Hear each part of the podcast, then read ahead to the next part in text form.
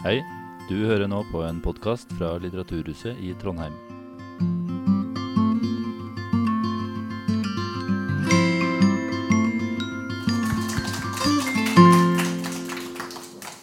Tusen eh, takk til Aya, og takk til dere som har funnet veien hit i dag.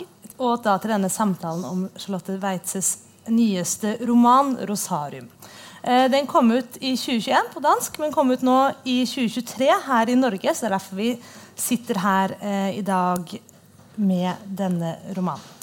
Eh, Weitze hun har gitt ut flere novellesamlinger og romaner. Og sist nå også et essay eh, om eh, kunstens møte med klima, eller klima og kunstneren, som det heter, som kom i 2022 i Danmark. Eh, som er et essay hvor du reflekterer om hvordan vi i møte med kunsten kan reflektere over alt det uforutsigelige og irrasjonelle ved klimaforandringene. Vi skal i denne samtalen komme mer tilbake til de store spørsmålene om klima og eh, litteraturen, og hvilke muligheter som fins mellom disse to. Men det er altså først og fremst Rosarium som er hovedtemaet i kveld. Eh, og Rosarium det er en bredt ja, Jeg fortsetter å snakke litt til. Ja, skal du få, få ordet. Eh, det er en bredt anlagt eh, slektsroman eh, i tre deler hvor slektene vi følger, ikke bare er menneskelige, men bygger bro mellom mennesker og planteslekter, arter og utviklingen. Eh, I denne romanen så ser Charlotte både til det naturvitenskapelige og til det eventyrlige eller noe surrealistiske eh, i et verk som spenner over mer enn 100 år. Så det er en ganske ekstensiv bok som rommer mye. Og eh, Charlotte skal få lov til å fortelle oss litt mer om hva denne romanen handler om. til dere som ikke har lest den, men som selvfølgelig kommer til å ha lyst til å lese den og kjøpe den etterpå. Eh, men jeg tenkte vi aller først skal åpne med at du leser litt ja. fra romanen. Så får dere med en gang satt litt stemningen på hva ja. dette verket Skal jeg det første? Ja. ja. Mm -hmm. Skal jeg lige sige lidt om det. Du kan få sige lidt om det først. Ja. ja. Nå ja, snakket mere, må du få lov. Romanen den, den øh, består af tre dele, og i den første del, der er vi ude i en meget, meget stor skov, som nærmest er som en skov i Grims eventyr. Og der bor bror og søster i en gammel e. De fandt egehulen, dengang mor og far stadig var sammen med dem. Den hule e havde lige plads til to børn – og far sagde, at han og mor ville fortsætte med at sove ved bålet. De havde fået fat i et skind, som de havde pelset af en selvdød elg. Det kunne lige akkurat dække dem. Ulen blev tyret væk med en sten. Ærnet skældte ud, men blev ramt så hårdt i panden, at det kunne flås og spises. Hugormen lå i dvale, og slatten som den var, kunne den løftes ud med en pind – og lå frostdød i krattet næste morgen. Insekterne er de aldrig kommet af med. De kildrer året rundt, fordi bror og søsters kroppe varmer træet op. Der er for eksempel en ørntvist, som vandrer hen over søsters strobe lige nu. Hun stryger den væk, piller et stykke af det rådne ved og smuldrer klumpen mellem fingrene. Far mente, at en måske er mere end tusind år gammel. Må den få blade igen til foråret? Sidste forår var bladene små, krøllede musseører, og slet ikke som de burde være, store som barnehænder. Søster vender sig om og kommer til at vække en hel bænkebider her, der rejser sig og marcherer hen over brors ansigt. Han snøfter tre soldater ind gennem næsen og hoster dem ud af munden. Så fortsætter snorkeriet nu mod søsters skulder. Bror lugter af kød med pels, bittert som rovdyrenes. Selv lugter hun vist kun af skuldersåret, som stadig ikke vil heles. Når det bliver forår, kan de bade igen. De får aldrig varmen, hvis de gør det nu. En gang var kildevandet himmeldamp, som faldt som varm regn på træernes øverste blade. Så klang dråberne nedad, etage efter etage, helt ned til skovbunden. Her sivede dråberne ned mellem nåle, rødder, muld og gruser helt ned til grundvandets underjordiske floder. Bror siger en lyd dybt fra struben.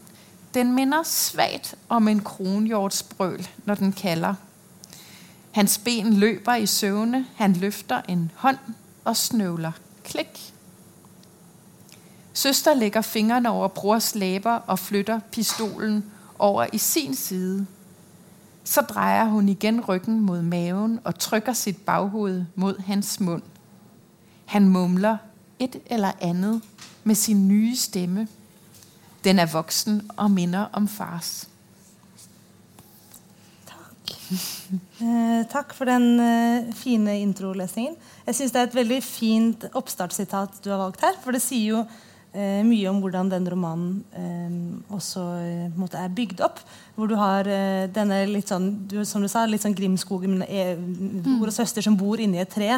Eh, og samtidig denne veldig sameksistensen med alle disse dyrene som kravler rundt, og som man ikke kan bli kvitt og må på en måte forholde seg til.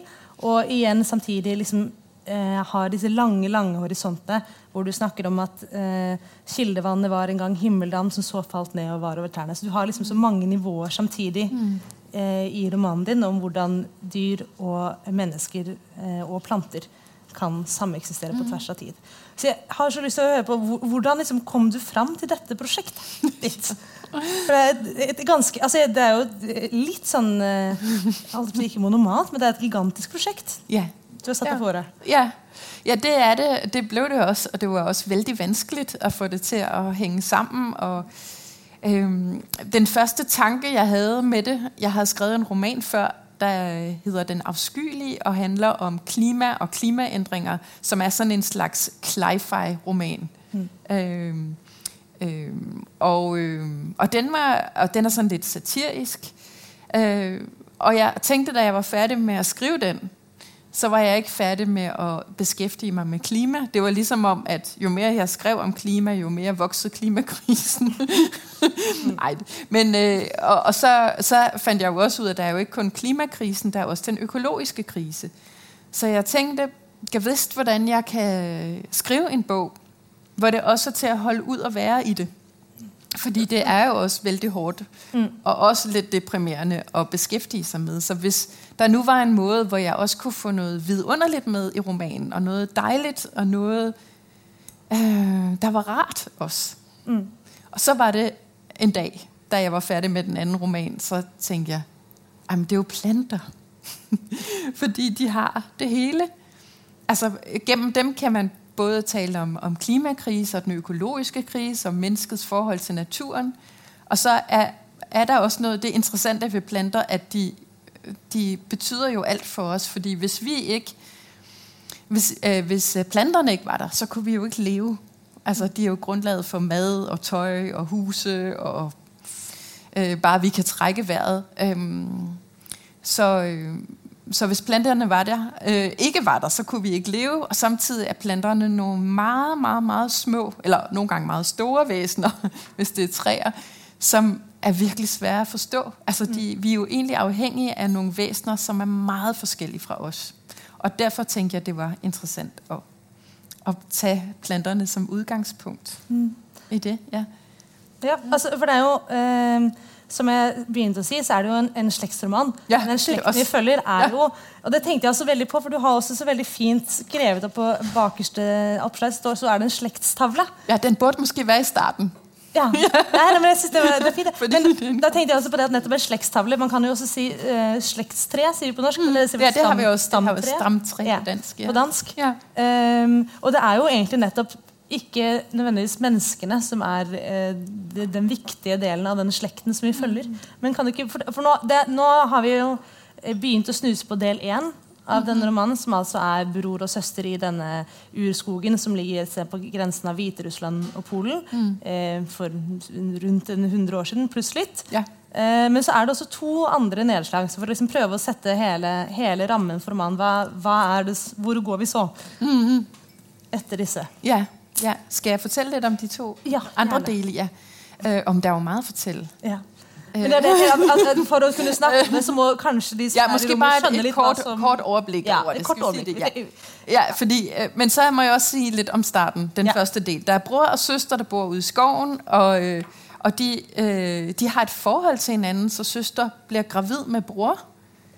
Og samtidig er der i den første del også den russiske zars søn, som der er udbrudt en epidemi, og han har taget ud i skoven for at være i sikkerhed der, og har også en drøm om at, at leve nær skoven, sådan på en meget romantisk måde. Og han finder søster, øhm, og han har også en rose med sig ud i skoven, som skulle kunne reagere på menneskelig kontakt, og han kan ikke få den til det. Han er meget lykkelig, og så, så, får han, så finder han søster, som jo nærmest er blevet til en plante. Øh, ja, nu, uh, jeg ved ikke, hvor mange detaljer jeg skal gå i, hvis jeg skal... Nå, men hun, øh, skal vi sige, Nå, men hun, øh, hun, hun slu, sluger et hyben, hedder det det på norsk, hyben. Øh, hvis man har en rose, så har roser samtidig en frugt. Ja. Ja, Jeg vet faktisk ikke, hvad det heter på norsk, jeg akkurat. Nype. Nype. Tak. Tak. Ja. den sluger søster, så, som, og det bliver ligesom blandet ned i maven, så hun føder et lille grønt barn, som da hun er voksen, Esther hedder hun, er sådan nogenlunde på den her størrelse, og har kan lave fotosyntese i huden og er lidt planteagtig. Så det er første del. Og anden del, og det kan være, at vi skal tage en, det kortere måske. Nå, det. Nå, men der, der, øh, der er vi jo i, øh, i starter i 1918 i Danmark, og der er øh, Johanne, som, øh, som øh, egentlig hed Johannes, men øh, fø, har altid følt sig som en pige. Og hun, øh, det er ikke så let i 1918, men når hun går ud i skoven tæt på sin mors fars hus, så føler hun, at hun bliver accepteret, fordi hun er i naturen. Og øh, hun tager, læser botanik og tager senere ud at rejse, og vil også finde den rose, som Saren havde, og håber, at hvis hun finder den, så laver det så stor en omvæltning i verden, at der også er plads til hende. Og hun øh, møder så Esther, brors søsters barn, i et nonnekloster under 2. verdenskrig. og Esther og Johanne, øh, øh, ja, Johanne gør Esther gravid med tvillinger, og dem følger man så i tredje del. Mm. Øh, eller faktisk deres, en af deres børnebørn. Mm. Og, og oldemor Johanne er flyttet til USA og bliver 100 år gammel, og man hører om den her fødselsdag, hvor familien skal komme, og Johanne er forsvundet ud i skoven mm. sammen med nogle roser, tror jeg. Ja. Altså, Det, var, ja, det er lidt, øh, vi har noget i, Danmark, vi siger elevatorsnakken, hvor Ja. man på mm. få sekunder lige skal... det er lidt... Det er speech. lidt- Ja, det er har lidt... det på, er lidt- det på lidt- norsk, og jeg prøvde å Ja, det er det, det hedder. nettopp å få med studenter å gjøre high speech på forskjellige teoretiske tekster. Ikke sånn, Ja, ja. Nesten. Eh, men så, altså, sånn, nå sitter dere her og nesten ler litt eh, i publikum, fordi Ja. det er, det er jo så ekstremt. Altså, Ja. Det er så mye Ja. som skjer i denne romanen. Så jeg tenkte underveis at det er sånn, dette kunne jo, vært- Du kunne jo valgt å skrive det som en trilogi. Ja, egentlig. Ja. tenker jeg. Det kunne, hver del kunne vært sin bok, og så hadde man på en måte Ja. akseptert det like så godt. Men hvor- hvorfor var det så viktig for deg å liksom ha disse tre, også som vi kan snakke om litt, denne veldig formelt forskjellige delene? Ja, jeg, jeg var faktisk også meget længe, da jeg skrev i tvivl om, hvorvidt at det skulle være tre bøger, mm. og også om der skulle være en fjerde bog, fordi den øh, Johannes oldebarn, Fine, som er 13 år og lever i vores tid, hun, hun optræder også i nogle drømme og syner som en meget gammel dame en gang i fremtiden. Så egentlig kunne der godt have været fire. Men, øh, og jeg, jeg talte med min redaktør om det, og jeg var meget i tvivl om, hvordan det nu... Men hun sagde, prøv at lave det til en bog. Mm. Og det tror jeg også er meget godt, fordi mm. noget af det, jeg gerne ville med det, var jo at give sådan et... Altså, min første tanke med at skrive romanen var at leve mig ind i, hvordan det er at være en plante eller et træ, og så skulle det hele romanen være fra planten eller træets synspunkt. Hvilket var lidt svært at leve sig ind i. Jeg tror også, det vil være en påstand, at, at man kunne leve sig ind i det. Så derfor en anden måde at gøre det på, var ligesom at følge en roses udvikling over 100 år, og så følge en menneskeslægt, der udvikler sig sammen med den. Mm. Så derfor så, så kunne det jo godt lade sig gøre. Men det er rigtigt, der er, der er mange fortællemåder i romanen. Mm. For den første er jo som, som et, et grims eventyr, hvor, hvor personerne er tredje person, og der er hele den der fortælleagtige, alvidende stemme, som er i eventyrene. Mm. Som måske også på en eller anden måde viser, at øh, her er noget, vi skal lytte til. Nu kommer der en vigtig historie. Mm. Øhm, og, og midterdelen af et brev, som Johannes skriver til sine to tvillingedøtre, som hun aldrig har haft et nært forhold til. Øhm, og hun skriver et langt brev for at forklare hendes liv. Mm. Et brev, som hun aldrig får sendt, desværre. Men det er så heldig at læseren. og den sidste del er en jeg-fortælling. Mm. Ja. Som er lidt mere sådan... Øh på slutten her så begynner vi å nærme oss litt mer sånn uh, samtidsroman. Ja, ja, sånn, vi kanskje kjenner litt, litt, litt sånn hverdagslige problemer. Og, uh, vi må, vi er, Skilsmisse ja, litt, litt, litt klimaangst, litt depresjon, litt litt uh, Jeg vet ikke hva vi skal gjøre med det. Mens nettopp disse to andre, andre Balkansmusikker mm. er så veldig veldig forskjellige. Men det går jo også overens med altså det er jo egentlig skjønner jeg ikke helt hvordan du har fått nettopp dette til å henge sammen som du sier med at du har disse tre veldig distinkte mm. fortellerstilene. Mm. Og det er ekstremt mye eh, forskjellig eh, som skjer innad mm. i mm. disse for, tre forskjellige tingene. Nå mister jeg helt tråden på hva det var jeg egentlig eh, skulle spørre om. Ja, fordi man kan si det er jo et stort spring imellom hver mm. del, hvor man sånn, liksom som leser skal Nå, nå er det det det handler om. Ikke? Men... Øh, men, men det er jo også at hoppe fra slægtsled til slægtsled mm. og opleve forskellige tider og forskellige syn på naturen, som hver del jo på en eller anden måde afspejler. Mm. Øhm, ja, og, og så man sådan, som læser kan kende forskel på personerne, så det ikke bare flyder ind. Altså i starten så var romanen faktisk, da jeg skrev den første gang, så var det en lang roman med flashbacks og mm. flash forwards og hvad det hedder. Det var så, altså det var så indviklet, så det var også om at, at tage en person, der ligesom kan være repræsentant for det her, og, og føre den til ende, synes jeg. Ja, ja fordi det var, det, nå kom på det var det jeg egentlig skulle spørre om, for det er jo nettopp det at de, du sier at de har veldig forskjellige syn på naturen, mm -hmm. mens at det er noen sånne fellestrekk som du snakker dette med spørsmål om å prøve å eh, smelte sammen med planteverden. Mm, for eksempel, yeah. Gå yeah. egentlig på tvers yeah. eh, av både disse søster og bror, og søster som spiser mm. alle disse plantene og mm. ikke vil spise kjøtt, men også da nettopp i, over til Johanne, og så egentlig også til oldebarnet hennes senere. Men det er jo også en veldig veksling her mellom den sånn ekstremt sånn naturvitenskapelige mm. og biologiske mm. måten å mhm. se på disse plantene på, og denne veldig sånn nettopp eventyrlige mm. eh, Denne rosen som på en måte kan oppføre seg som et menneske. Ja. Hvorfor trengte du disse to liksom, ja. Ja, fordi det er også mange vitenskapelige facts i, kan man -hmm. si. Ikke?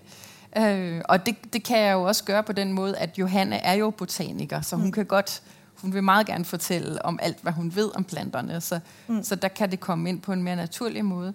Men jeg synes også, altså da jeg begyndte at researche på planter, jeg vidste noget om planter, jeg vidste ikke alt, og jeg læste rigtig meget, og jeg var ude i forskellige skove og oplevede det, så altså, gik det jo op for mig, øh, hvor fantastisk planteverdenen er, og meget af det, nogle planter kan, er så eventyrligt, at man måske skulle tro, at det var en forfatter, der havde fundet på det. altså, at noget af næsten er for, for fantastisk til at være sandt, at planter, planter har de egenskaber. Mm. Så på den måde, øhm, ja, at planter i sig selv nærmest er eventyrlige på det. Så på den måde synes jeg, det passede meget godt sammen. Mm. Øh, så ja, det kan godt være, når man læser bogen, at man nogle gange vil være i tvivl om, det er noget, jeg har fundet på, eller det virkelig er sådan. ja, for det, det var flere steder, hvor jeg var sådan, dette her tror jeg at det er vitenskapelig. Så sånn, men dette her, nå begynner det å bli veldig rart. Gjør det ikke? Ja, ja. For du skriver også, for eksempel, altså denne boka, I denne bok del to så reiser jo denne Johanne rundt. Ja. Mm. Eh, og er også med på et arbeid som eh, en som heter Maria Hammer holdt på med. Som er mm. det med å prøve å, å, bevise at kontinentene en gang har hengt sammen. Yeah. At det fantes et Pangea. Og da i de seksjonene der hvor du snakker om eh, hvordan liksom, eh, den ene massedøden skjedde fordi mm. det var, antagelig var så mye oksygen, fordi det var, og derfor så har vi så mye planteliv i dag. Ja. Som er sånn, ok, men Det her tror jeg jeg har lest om en gang. det er jeg med på. Og ja. så plutselig så er, går du videre til Vegene Sharim at det også var da plantelivet og plantemassen som gjorde at man i det hele tatt hadde kontinenter og kontinentaler. Mm. Så er det sånn, er det sant? Eller er det ikke sant? Og så blir man så utrolig nettopp som du sier, det er, det er veldig vanskelig å skjønne hva egentlig som er det eventyrlige her, ja. og hva ja. som er faktaene. Ja, ja, men jeg tror det meste av det du tror er eventyrlig, det er fakta. Ja. Ja. At det eneste problem, der er her, det eneste problem, der er her, det er jo figuren, eller øh, personen, øh, øh, hvad hedder det, Esther, mm. det grønne væsen, mm. øh, hende på den her højde, der har pigge i huden og også kan lave noget fotosyntese, hvilket øh, Fine, den 13-årige teenage-pige i Danmark i nutiden, også kan. Øh, og jeg havde, jeg havde en botaniker til at læse, en professor i plantefysiologi, til at læse romanen igennem, da jeg var færdig. For jeg havde jo researchet rigtig meget, men jeg kunne godt have lavet nogle frygtelige fejl. Og han øh, læste, og det var okay, lige indtil han kom til personen, øh, til Esther. Mm-hmm. Så sagde han, det her med, at, at, at øh, hun kan lave fotosyntese gennem huden, og kan løbe rundt, og endda blive gravid og føde tvillinger, det kan ikke lade sig gøre. Nej. Så sagde han, det bliver for egen regning. Siger man det på norsk? Ja. okay.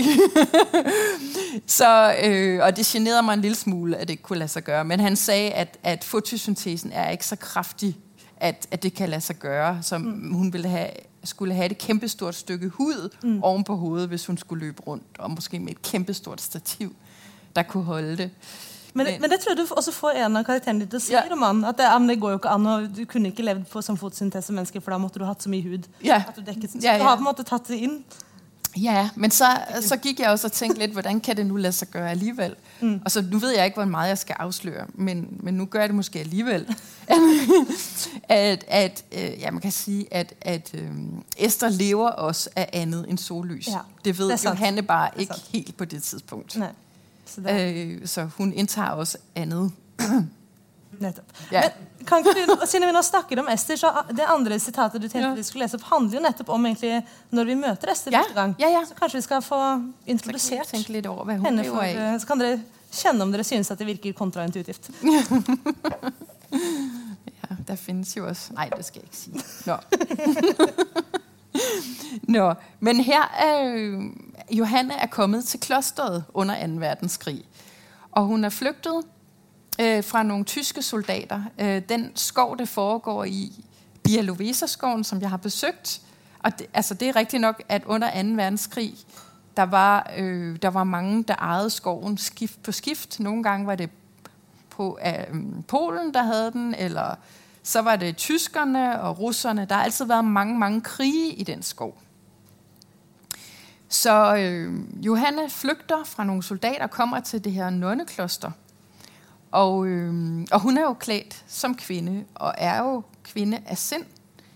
Øh, men, men der opstår noget problematisk, fordi nonnerne tror, at de, øh, at de, altså de tror, at man kan leve af sollys alene, hvis man bare tror nok på Gud. Så de ligger så nøgne ud i klostergården hver søndag. Og, og ligesom, jeg ved ikke, om I har hørt, der er faktisk nogle mennesker, der tror, man kan leve af sollys alene og vand. Jeg har interviewet en mand, som havde gjort det i 88 dage, øh, uden at tabe sig. Eller han var stadig, havde stadig muskler. Jeg, jeg forstår det ikke helt. Men det er det, nonnerne tror, de kan, og det lykkes ikke rigtigt. Så, og de vil også have, at Johanne skal lægge sig nøgen ude i klostergården, men det bliver noget råd. Så derfor så skal Johanne have noget andet at lave, og hun finder ud af, at hun skal op og passe Esther, det lille grønne væsen, op i tårnet. Og det er jo fantastisk, tænk engang at være botaniker og møde et noget, der er halv menneske og halv plante. Det må være den største drøm. Eller det ved jeg ikke. Det kan jeg forestille mig. I hvert fald meget spændende, ikke? Ja. Tårnværelset duftede krydret af blomster. Eftermiddagslyset sivede ind af de store vinduer, som sad hele vejen rundt. Fra en seng på den anden side af træmmevæggen stirrede to ravbrune øjne. Et sæt kinder bulede ud, og munden udstødte en uletuden. Læberne spidsedes igen. Menneskevæsenet vislede nu som en trætop, hoppede hen og greb fat om træmmerne med begge hænder. Det var en kvinde, for der var to små grønne bryster med mørklilla vorter. Hovedhåret var lige så grønt som det nede ved revnen. Hun nåede mig næsten til brystet, var spinkel, men ikke sygeligt udmagret som nonnerne. Jeg gik undrende ned i knæ og lirkede forsigtigt mine fingre ind mellem træmmerne. Kvinden gik baglæns, stak hurtigt hovedet ned i en spand og drak længe. Hvad hedder du, viskede jeg. Vi fandt hende i sommer, sagde abbedissen. Hun sad i en lysning, hvor der havde været en massakre, og hun var indsmurt i blod. Måske blev hendes familie henrettet. Måske blev hun syg af det, hun så. Eller også har hun boet i skoven hele sit liv. Vi har forsøgt på mange sprog, men hun siger bare skovlyde. Vi har prøvet at give hende kål og kartofler, men hun ville ikke have det. Til synladende klarer hun sig bedre med sollys end os alle til sammen. Først tænkte jeg, at hun kunne være et slags gudebarn. Og vi er sådan lidt som Johannes døberen, der gik foran. Abedissen kom til at fnise, da hun sagde Johannes. Vi kalder hende Esther. Det betyder stjerne, og det var det pæneste, vi kunne finde på. Esther havde hævet prikker på huden, som lignede pigge. Neglene på hænder og fødder var lange og brune. Ryg, mave, arme og ben var blodige striber og hvidlige ar. Esther kom tilbage, snodede undersøgende fingrene og mine. I et kort øjeblik så hun på mig med et kærligt, åbent og håbefuldt blik. Et, først, et blik, jeg først genså efter mange år, hvilket jeg senere vil fortælle jer om. Og der skriver hun til sine døtre. I dag tænker jeg, at det var en tillidserklæring. Esther håbede på kærlighed og kontakt. Hvis jeg havde opført mig ordentligt, kunne vi måske have boet sammen i fred og fordragelighed. Måske levede hun lige frem endnu, og så kunne jeg have fortalt jer, at I var blevet til ved en gensidig lykkelig elskov. Jeg stak hænderne og underarmene helt ind og rørte ved den stride, klæbrige hårpragt, som stod ud fra hovedet i et flor. Strålerne var øh, tykke og grønlige. Nej, stråene var tykke og grønlige. Jeg trak lidt i et af dem, men Esther gav sig, som om det havde nerver. Hun trykkede næsen mod min armhule, lod læberne glide langs min arms inderside, og jeg gøs pludselig over hele kroppen. Hendes ånde duftede af græs. Cellens blomsterduft kom tydeligvis fra kroppen. Hun lukkede øjnene og pegede på væggen bag mig. Ved siden af en pisk hang en nøgle. Må jeg være alene med hende, spurgte jeg. Abedissen bad mig om at være forsigtig. Jeg skulle love at kalde, hvis der var det mindste. Da de havde fundet hende i skoven, havde det ikke været så slemt. Dengang havde det været søster Marusha, der havde passet hende. Men nu, da sensommeren kom, og især nu med vinteren, var hun blevet farlig. Ja.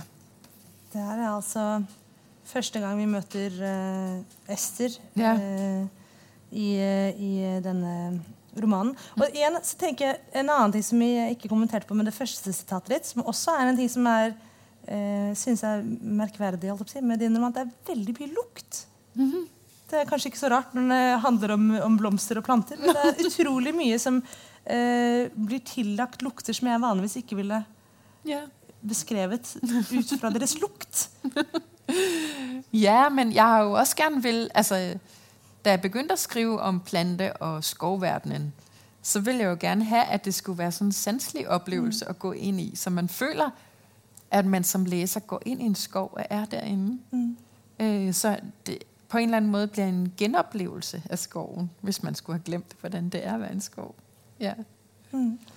Det er en veldig, mm. veldig fint For det, det er jo eh, det er en gjenopplevelse av skogen, men det er også veldig mye kommunikasjon med skogen. Altså mm. dette her også Når han møter eh, Når Johanne møter Ester mm. første gang, så er det en sånn, sånn umiddelbar kontakt. Og det er ja. veldig mye av denne teksten som handler om eh, hvordan man kan eller ikke ha kontakt både mellom mennesker, mm. men også mellom mennesker og planter, og planter ja. som har kontakt ja. med andre ja. planter. Mm. Ja. Det noe, var det noe som var særlig viktig for deg når du mm, Ja, men det er jo på en eller annen at Johanne, eller Esther, hun lærer jo aldri riktig å tale. Mm. Så de skal lære å kommunikere på en annen måte. Og det var også det jeg tenkte da jeg skrev boken. Altså, hvordan kan man overhodet få kontakt med planter? Mm. Det har mennesker jo også prøvet på mange forskellige måder. Øh, der er jo også folk, der, der sætter målere til planter, og så, det ved jeg ikke, om I har set, det kan man finde på YouTube, at planter kan spille musik, hvis man sætter dem til en synthesizer, og der er folk, der, der synger duet med de lyde, som planterne laver, og sådan noget der. Mm. så måske har vi alle sammen sådan en længsel efter det, og, men også en længsel efter, hvordan kommer man i kontakt med et andet menneske. Der er faktisk, jeg læste om det et sted, hvor der var nogen, der sagde, hvis vi ligesom skal lære hvis der nu skulle komme nogle Marsmænd ned til os, eller en UFO med nogen fra Mars, øh, så skal vi jo kunne kommunikere med dem, men der er det godt at starte med planter. Så hvis vi klarer at kommunicere med planten, så klarer vi kanskje at kommunicere med Ja, men hvordan marsmænd? laver man den ordløse kontakt? Ja. Men man kan sige, at Esther er jo også et forsømt barn. Mm. Mm, øh, I romantikken var der faktisk en forestilling om, at børn, der var vokset op ude i skoven, ligesom Esther, uden kontakt med mennesker, men kun kontakt med naturen. Øh, de var sådan en slags, altså når man tog dem ind til mennesker, og de begyndte at tale, så, så begyndte de at tale med Guds stemme, mm. for de ligesom var rene, altså og kom fra naturen.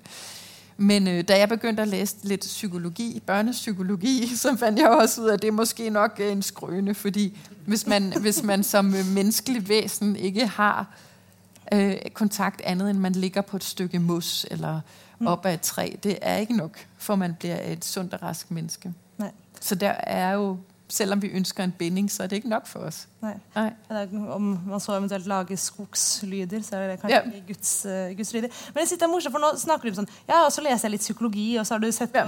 videoer på YouTube ja. for å se på hvordan uh, plantelag lyder. Og det er veldig mye av det du sier som jeg synes er morsomt, for det dukker jo opp. altså mm. Johanne i den romanen, hun snakker jo om at hun også prøvde å få rosene sine til å snakke ved å gi dem forskjellige elektriske impulser og lar dem ta opp lyd. og, og holde på. Men, ja. Og i, også I tillegg så er det også et, et sånn veldig rikt eh, virker som eh, sangmateriale som ligger Du nevner f.eks. Et, et sagn fra Suffolk hvor det er sånne grønne mennesker yeah. som har yeah. levd ute i, yeah. i Men altså, hvordan, hvordan måte, jobber du når du skal uh, finne fram? For det høres ut som du bare sitter og så bare detter ting ned i fanget på deg. Men man blir jo så opptatt av det. ikke? Og Øh, det ene tager jo det andet, ja. det ved I jo. Ja. Det ene YouTube-klip tager det andet.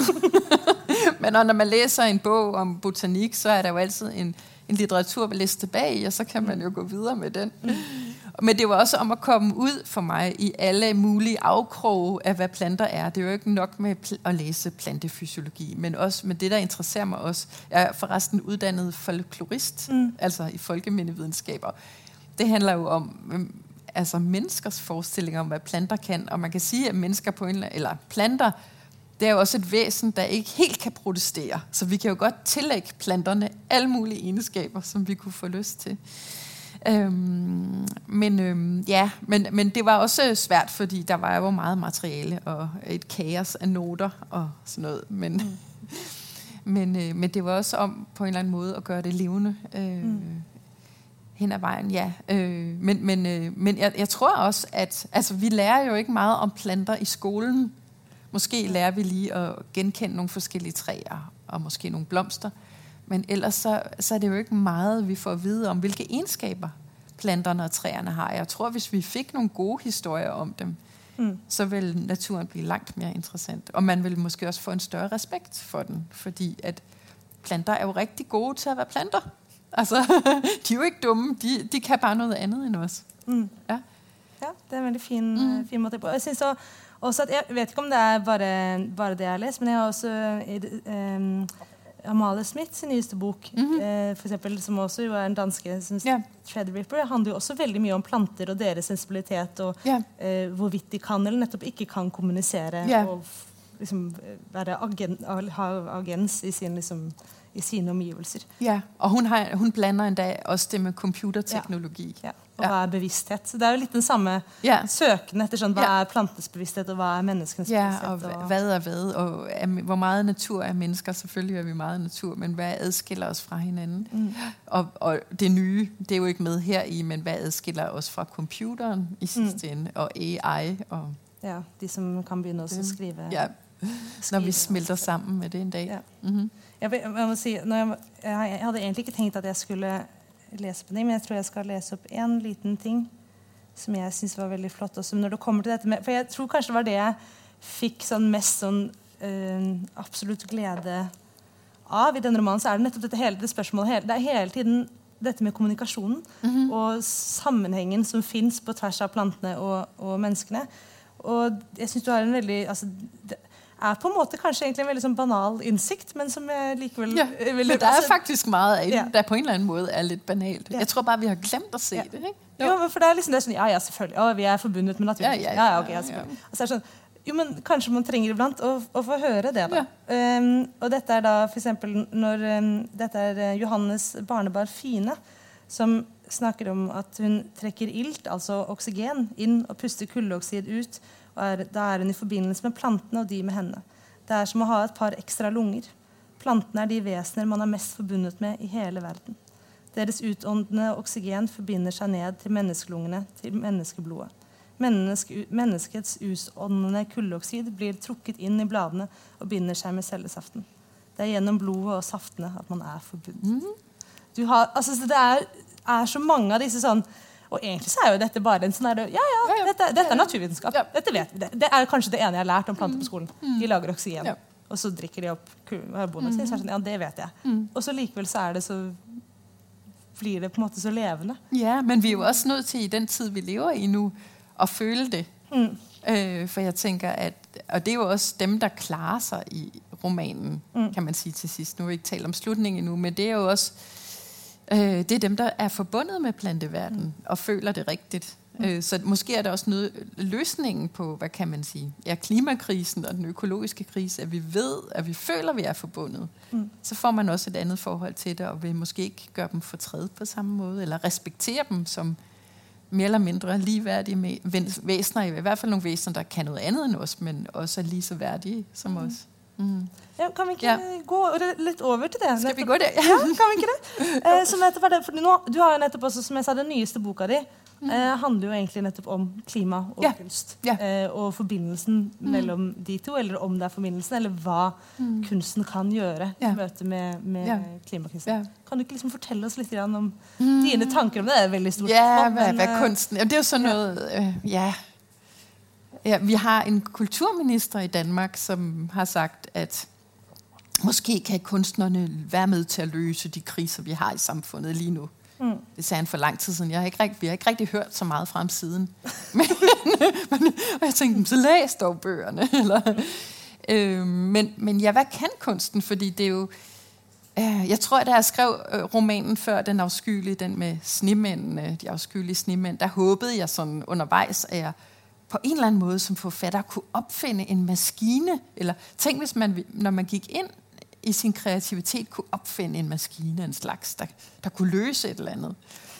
Og det måtte jeg hurtigt opgive. Mm. Øh, det, det var ikke rigtig muligt. Øhm, så, øh, så, så at det, ja, at kunsten kan jo noget andet, øh, og har altid kun noget andet end lige de der praktiske løsninger. Det er jo, altså jeg tænker ofte bare sådan en aften, som i aften, hvor vi mødes og snakker om en bog og læser højt og sådan noget. Det er jo det, den kan. Det er jo samtalen, den kan. Mm. At starte en samtale. Og om den så kan løse, altså jeg har jo, at man kan sige, hvis der skulle være en moral i den her, så er det dem, der forbinder sig med planterne, der overlever. Tag den kulturminister.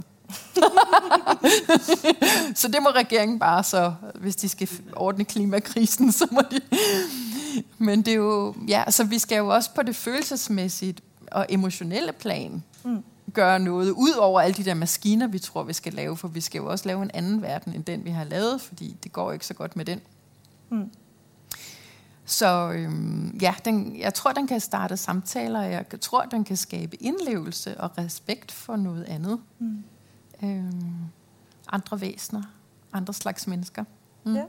Det er en fin tanke. Jeg, jeg synes det er veldig, dette spørsmålet om så da, hvilken rolle er det litteraturen har det er kjempevanskelig, og det er kjempestort, og det er veldig mange som har jobbet med det. Jeg har prøvd å lese litt det siste halvåret, cirka, i hvert fall, øh, om, om hva man mener at litteraturen kan gjøre. Og det er jo litt forskjellige leirer, og den ene er nettopp på sånn det er enten de som sier at vi må på en måte fremmedgjøre dette enda mer og gjøre det enda ra vise hvor rart det er. Nettopp sånn, Herregud, vi er connecta med plantene, dette er supermerkelig. Og så er det de andre som er sånn, vi skal bare gjøre dette helt naturlig og superrealistisk. og liksom Mm. få oss bare til å forstå, forstå ting. på en veldig, altså Det er de som er sånn, jo, men Det eh, litteraturen skal gjøre, er å skape en veldig sånn naturvitenskapelig-aktig forståelse. Mm. Og så er det de som sier sånn Nei, det litteraturen skal gjøre, er å eh, på en måte gå helt motsatt fra Ja. den naturvitenskapelige forståelsen og gjøre det veldig rart. Eh, og gjøre at du liksom ser helt har du noen, liksom, Hvor er du i den leiren? For, Øh, nu er der jo en del naturvidenskab ja. med i den. Øh, ja, altså jeg, jeg tænker, nu, nu er det jo også skrevet i en genre, som man vil nok også vil kalde magisk realisme, selvom mm. der også er meget naturvidenskab i den. Mm.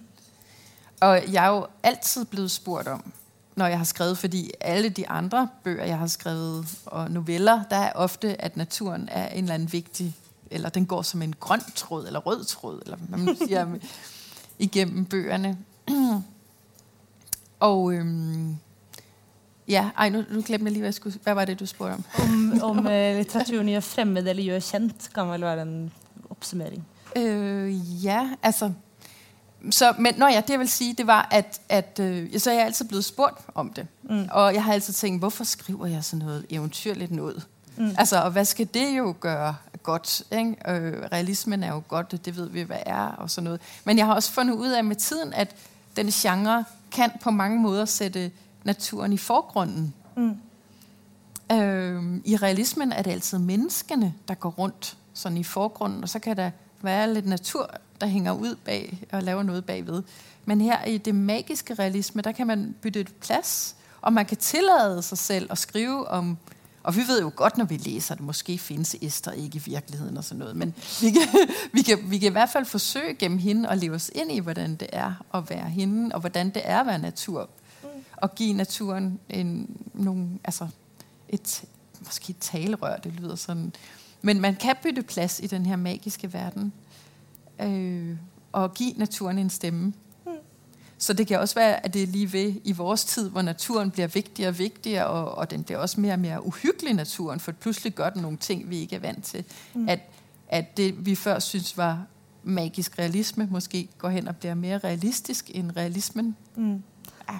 Ja, men det kan, Ja. det kan godt være. Og det er jo veldig en det er en av disse tenkerne som syns nettopp at eh, klimakrisens store problem er egentlig den realistiske romanen, for den har gått hen og nettopp satt menneskene i forgrunnen. Og da får man lukkede små romaner som handler om enkeltmennesker Ja. som lever i forutsigbare virkeligheter. Og som sier at nettopp det vi trenger, er tekster som klarer å sette naturen i forgrunnen. Og nettopp sånn som du gjør, i- skrive romaner som spenner over større områder enn det et enkeltmenneskes liv kan Ja. gjøre. Og også gi litt toleranse for det som er uforutsigbart. For er det noe vi Ja. trenger framover, så er det å skjønne at ting ikke nødvendigvis går alltid helt sånn som vi tror. Mm.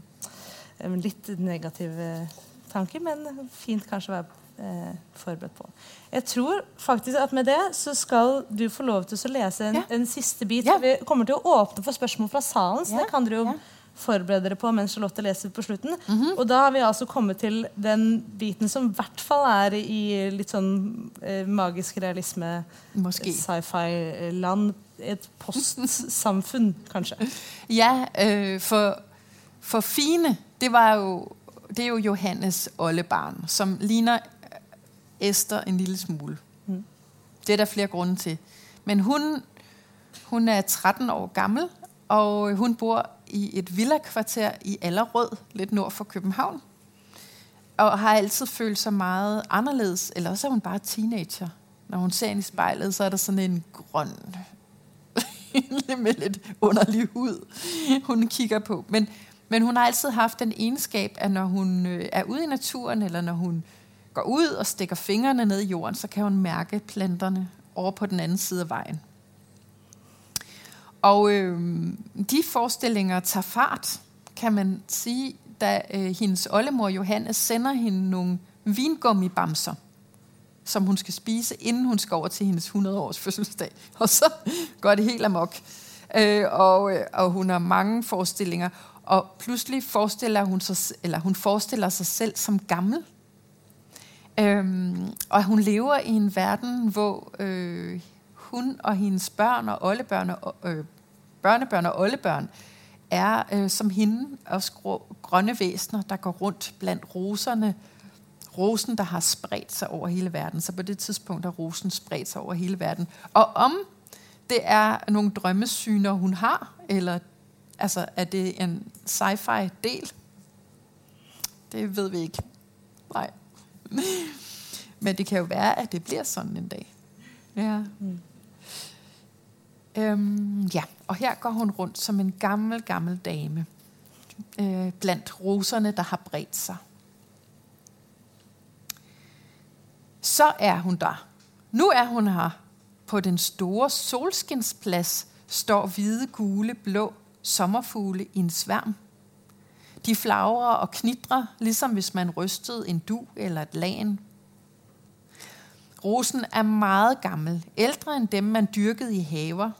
Den formerer sig ved bestøvning både af insekter og vind, og den kan skyde stiklinger og rodskud. Den kan også danne sporer, hvis der ikke er insekter i nærheden til bestøvning. I mange år lavede hun selv hybenfrø. De kom ud af hende med afføringen, hvis hun af gammel vane spiste et eller andet. Det kunne være birkeblade, brumbær eller en svamp. Men nu er hun vist blevet for gammel til at lave frø. Engang troede hun stadig, at det var nødvendigt at spise det, man kaldte rigtig mad. Så hun ledte desperat efter dåser i forladte huse, men med tiden overgav hun sig til sollys alene. Bortset fra, at hun altså indimellem spiser hyben eller lidt andet grønt. Hendes børn spiste også lidt, da de var små. Det var mest laver og snegle. De drak også hendes grønlige mælk, men det er kun øh, lige indtil de blev voksne og holdt op med at vokse. Børnebørnene og oldebørnene har klaret barneårene alene på hyben og mælk. Fine trækker vejret dybt i plastens sol. Strålerne omringer hende gult. Sådan har hun altid gjort, også før folk begyndte at blive bekymrede for hendes værtrækning og, tabte, og at hun tabte sig, fordi, øh, og tabte sig, fordi de havde dårlig mave. Mor Marie og far Jan var så bekymrede, at alt skulle testes for rosengift, inden man spiste eller drak. Der gik lang tid, før de forstod, at den ikke havde nogen indvirkning på Fine. Der var forældrenes trætte øjne, indsunkne ansigter, blegheden og stillstanden. Der var de omstændige rutiner, før man kunne gøre noget som helst. Tag nu ilt med for en sikkerheds skyld – Tag madpakke med til festen. Lad være med at spise mad, som andre har lavet. Husk drikkedunken. Lad være med at hælde noget i dig fra andres vandhaner. Vask hænderne. Vær sikker på, at du ikke har pollen på fingrene, når du rører dig i ansigtet. Man kan sige det, fordi rosen spreder sig, og der er mange mennesker i den her fremtid, der bliver meget allergiske over for den. Så det er derfor, at forældrene er, er bekymrede. Fine forstod først det med forældrenes bekymringer, da hun selv blev mor. Hun blev også nervøs for sine børn. Det var bare andre ting. Det med at passe på tornene, så man ikke rev sig. Det med ikke at opholde sig for meget i skyggen. Det med ikke at fare vild. Hendes børn blev også trætte af at høre på hende, og det var hårdt, når hun var den eneste forælder. Der var ikke andre voksne at blive gale på. Fine snuser ind. Der er rigeligt med ilt. Koncentrationen er så høj, at hun som ung kunne blive helt euforisk. Her på pladsen vokser en røn, en birk og noget andet grønt græs. Hun bøjer sig og slikker på en stor sten. Mineraler må man jo have. Så søger, øh, søger hun efter kildespringet, finder det mellem et par sten og drikker nogle mundfulde. Hun sætter sig i midten af solskinspladsen, og lyset hugger i huden. Hun lukker øjnene, vender ansigtet opad. Med neglene graver hun rødder og ben ned i jorden, rodfæster sig – sidder igen helt stille. Noget kalder. Fine. Nogen tager fat i Fines arm, rusker hende frem og tilbage. Noget stryger over hår og kind. Der er et svagt, skinnende øje. Fine spærrer øjnene op. Det er sengelampens pære. Hun har noget over sig, og hun sveder. Fine. Far. Du skal op, Fine. Fine siger en lyd, strækker sig under dynefjerne. Klokken er halv fire. Taxaen kommer om 40 minutter. Jeg har sat morgenmad frem. Skal du nå i bad? Hun nikker. Så skynd dig. Hun rejser sig svimmel. Det ser ellers ud, som om du har det bedre, siger far. Så her er man i hendes fremtidsdrøm, hvor hun er en gammel dame, men, men pludselig bliver hun vækket af sin far og skal op, fordi hun skal med, til lufthavnen og flyve over til Ollemors 100-års fødselsdag. Mm. Ja. Sånn er det. ja. Altså det er, ja. Eh, når jeg også skulle jeg lese den boken to ganger. Når jeg skulle lese den gang nummer to, så var jeg sånn Hvor var det egentlig det skjedde? dette fremtid? For Jeg klarte liksom ikke å plassere det for meg selv i, i, i liksom hva som var eh, Hva jeg tenkte skjedde underveis i romanen. Så er jeg sånn Hvor er det egentlig det får plass til å skje? Jeg skjønner ikke hvor det skal skje. Så Ja. det var ja, overraskelse for meg når det plutselig dukket opp. der hvor det dukket opp. ja. Men eh, jeg tror vi skal høre om det er noen av dere som sitter her, som brenner inne med noe. Noen store eller små spørsmål i verden.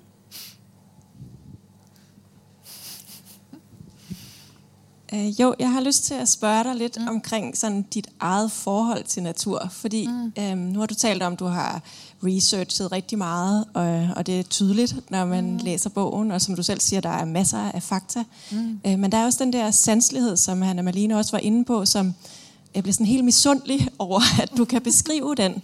Øhm, er det noget, du bare altid har haft, den der øh, blikket på naturen fra den vinkel, eller hvordan øh, lever du i naturen i dag, sådan i forhold til, når du skriver, og kan du sige noget om det?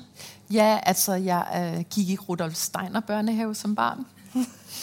min, mor, min mor siger det derfor. altså der var vi jo ude hele tiden, og, og lige meget om det regnede eller sneede, og, og legede jo med, med det, man kunne finde i naturen. Øh, men ellers så, øh, jeg kan godt lide at være ude i naturen. Jeg, jeg er måske i virkeligheden ikke sådan en rigtig friluftstype, der, der vil være med i øh, Alene i Vildmarken. Har I det i Norge? Ja, om, Nej. om det finnes sånne folk? Øh, ja, nej, det, er- nå, det er en dansk oh, ja. tv-serie, Ja, ja, så- hvor folk de flytter ud og skal overleve Ah, ja. ude i, i Vildmarken. Det er faktisk i Norge. Øh, altså, sådan er jeg ikke rigtigt. Men øh, ja, jeg ved ikke. Ja, på en eller anden måde er naturen er et eller andet fristed for mig, hvor jeg går hen, og øh, jamen, jeg kan enormt godt lide at være der. Øh, så måske er det bare alt det, jeg ligesom har, har trukket ind og følt mig forbundet med, og jeg synes heller ikke, det er særlig rart at bo i en stor by. Jeg kan godt lide at være et sted, hvor der er natur omkring mig. Jeg bor ude på landet i Danmark, men, men I ved, på landet i Danmark er der jo mange marker og sådan noget, så jeg bor ikke i en skov heller, men kan ofte lide at tage derhen. Så jeg ved ikke, altså måske er det bare sanseligheden, som kom fra Rudolf Steiner børnehaven. det har I også i Norge, ikke? Jo, jo, jo. jo. Ja, vi Ja, det kan være, at det startede der. Ja. Steinerbarnehagen og Steiner-metodologi gir altså et åpent blikk og nysgjerrighet på å utforske selv. Er det ikke, det? Er ikke de veldig Jo. opptatt av det? Jo. At du skal ikke lære av lærebøkene, du skal finne ut av på egen hånd og skrive din egen lærebok. Kanskje Ja. det er det du har ja, det er rigtigt, det gjort. man også. Rosarium det er, også, er ikke det det samme som herbarium? altså- Altså samling av roser? Ja, det betyder Ja. det. Ja. Så det er jo det, er det du har gjort. Du har lagd en samling av rosen slik den er og kunne ha vært. Ja. En potensiell verden, kanskje. Er det noen flere som brenner inne med noe? Ja. Jeg hadde et spørsmål knytta til det med klimaangst. For oss bør jo egentlig være ganske redde. Og hvis oss blir for redde, så blir oss paralysert. Eh, så om du har, om du har Gjorde du deg noen tanker om hvor mye Eller om du har tenkt over det med klimaangst da du skrev boka di? Ja. I forhold til hvor mye leseren skal bli redd eller eh, reflektere over ja, natur. Ja, jeg forstår godt, hvad du mener. Det er jo en, en stor diskussion. Altså, reagerer vi først og gør noget, hvis vi bliver rigtig bange?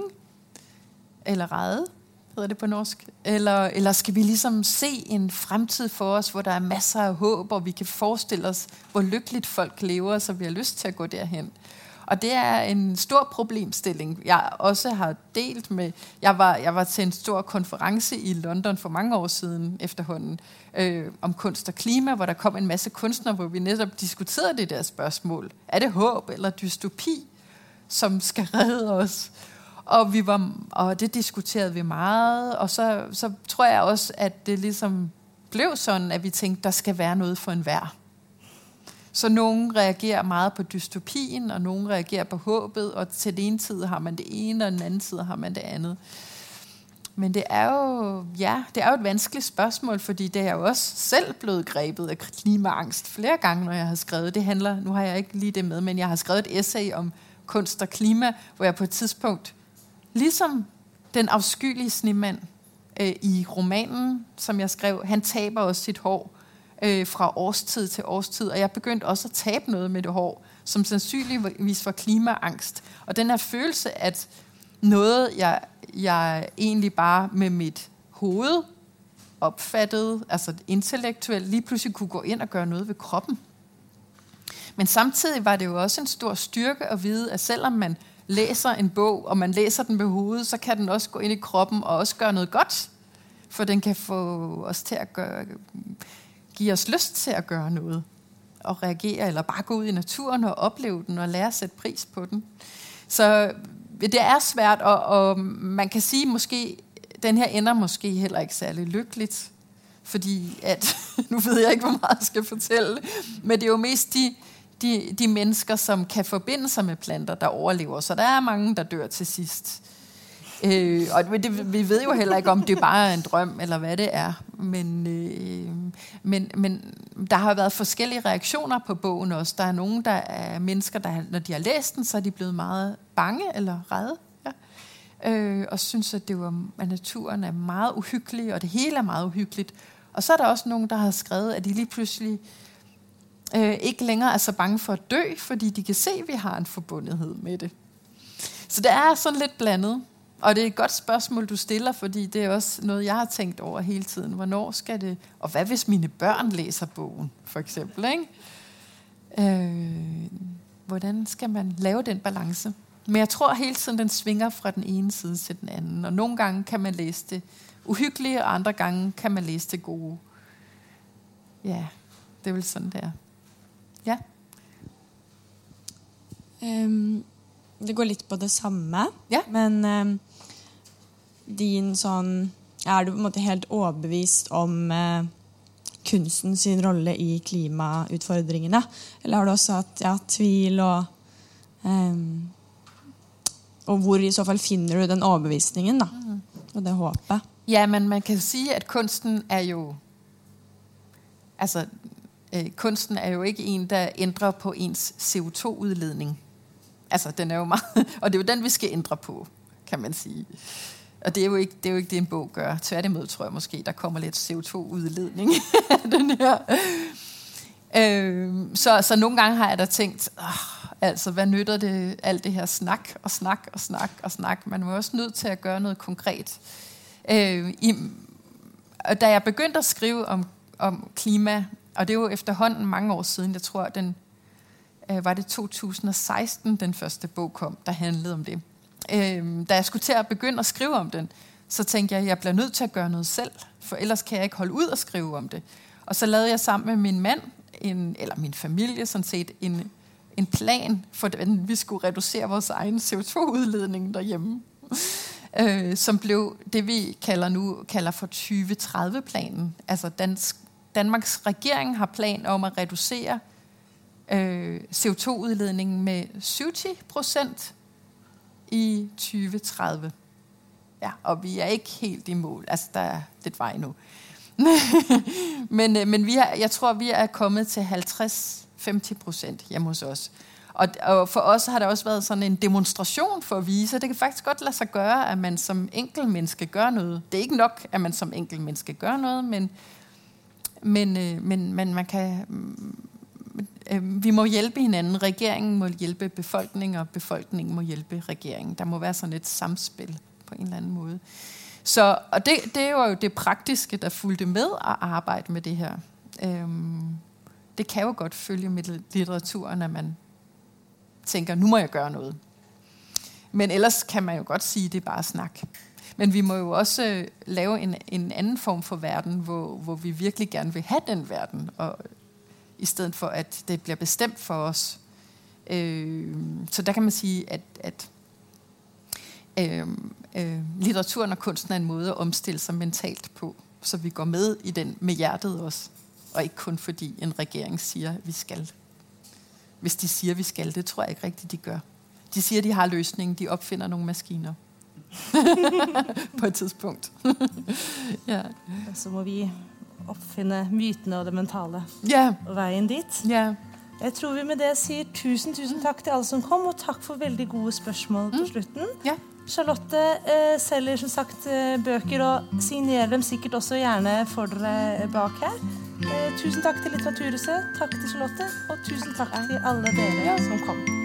Tak.